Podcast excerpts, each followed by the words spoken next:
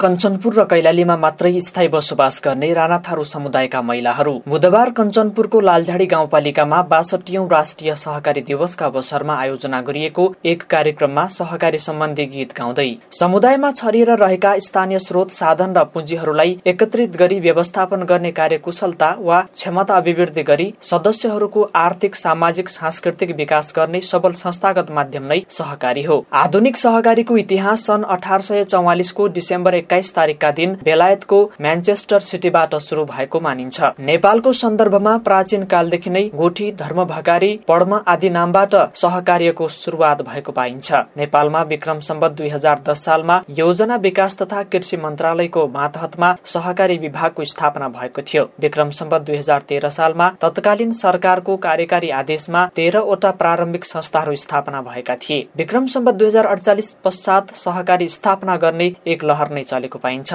देशभर हाल जम्मा चौतिस हजार छ सय भन्दा बढी सहकारी संस्था दर्ता भएको अवस्था छ। त्यस्तै सहकारी संस्थामा साठी हजार भन्दा बढीले रोजगारी पाएका छन्। अहिले सञ्चालित सहकारीहरू मध्ये महिला गरिब सीमान्तकृत मुक्त कमैया मुक्त कमलरी भूमिहीन तथा पिछडिएका समुदायले सञ्चालन गरेका सहकारी सफल भएका छन्। सहकारीमा आबद्ध भएपछि जीवन यापनमा सहजता भएको कञ्चनपुरको लालझाडी गाउँपालिकाका प्रवक्ता बहादुर राणाको भनाइ छ। हम देखते हैं कि जब तक पहले हम सहकारी गठन न करे रहे तो हम थोड़ी रुपया के ताई हमें साहू के जोड़े ऋण मांगन जान पड़ता रहे। बड़ो बड़ो ब्याज में हमके ऋण लेन पड़ता रहे। बहुत ही अत्यारो होता रहे।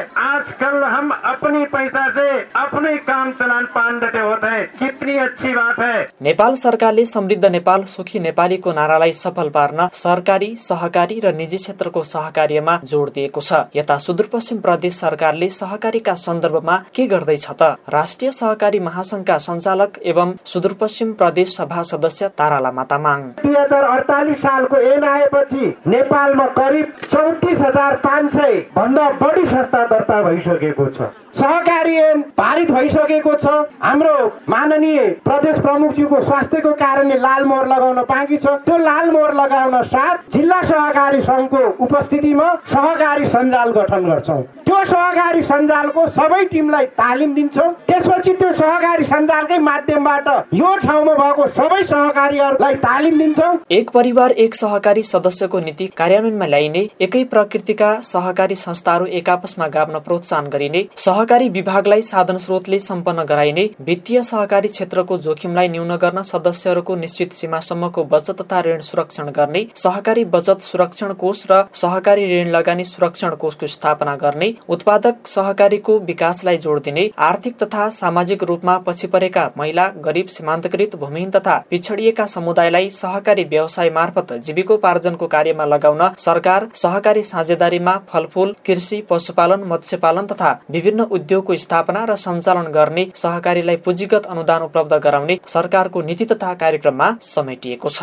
Harish Chandrabag NB media network Kanchanpur.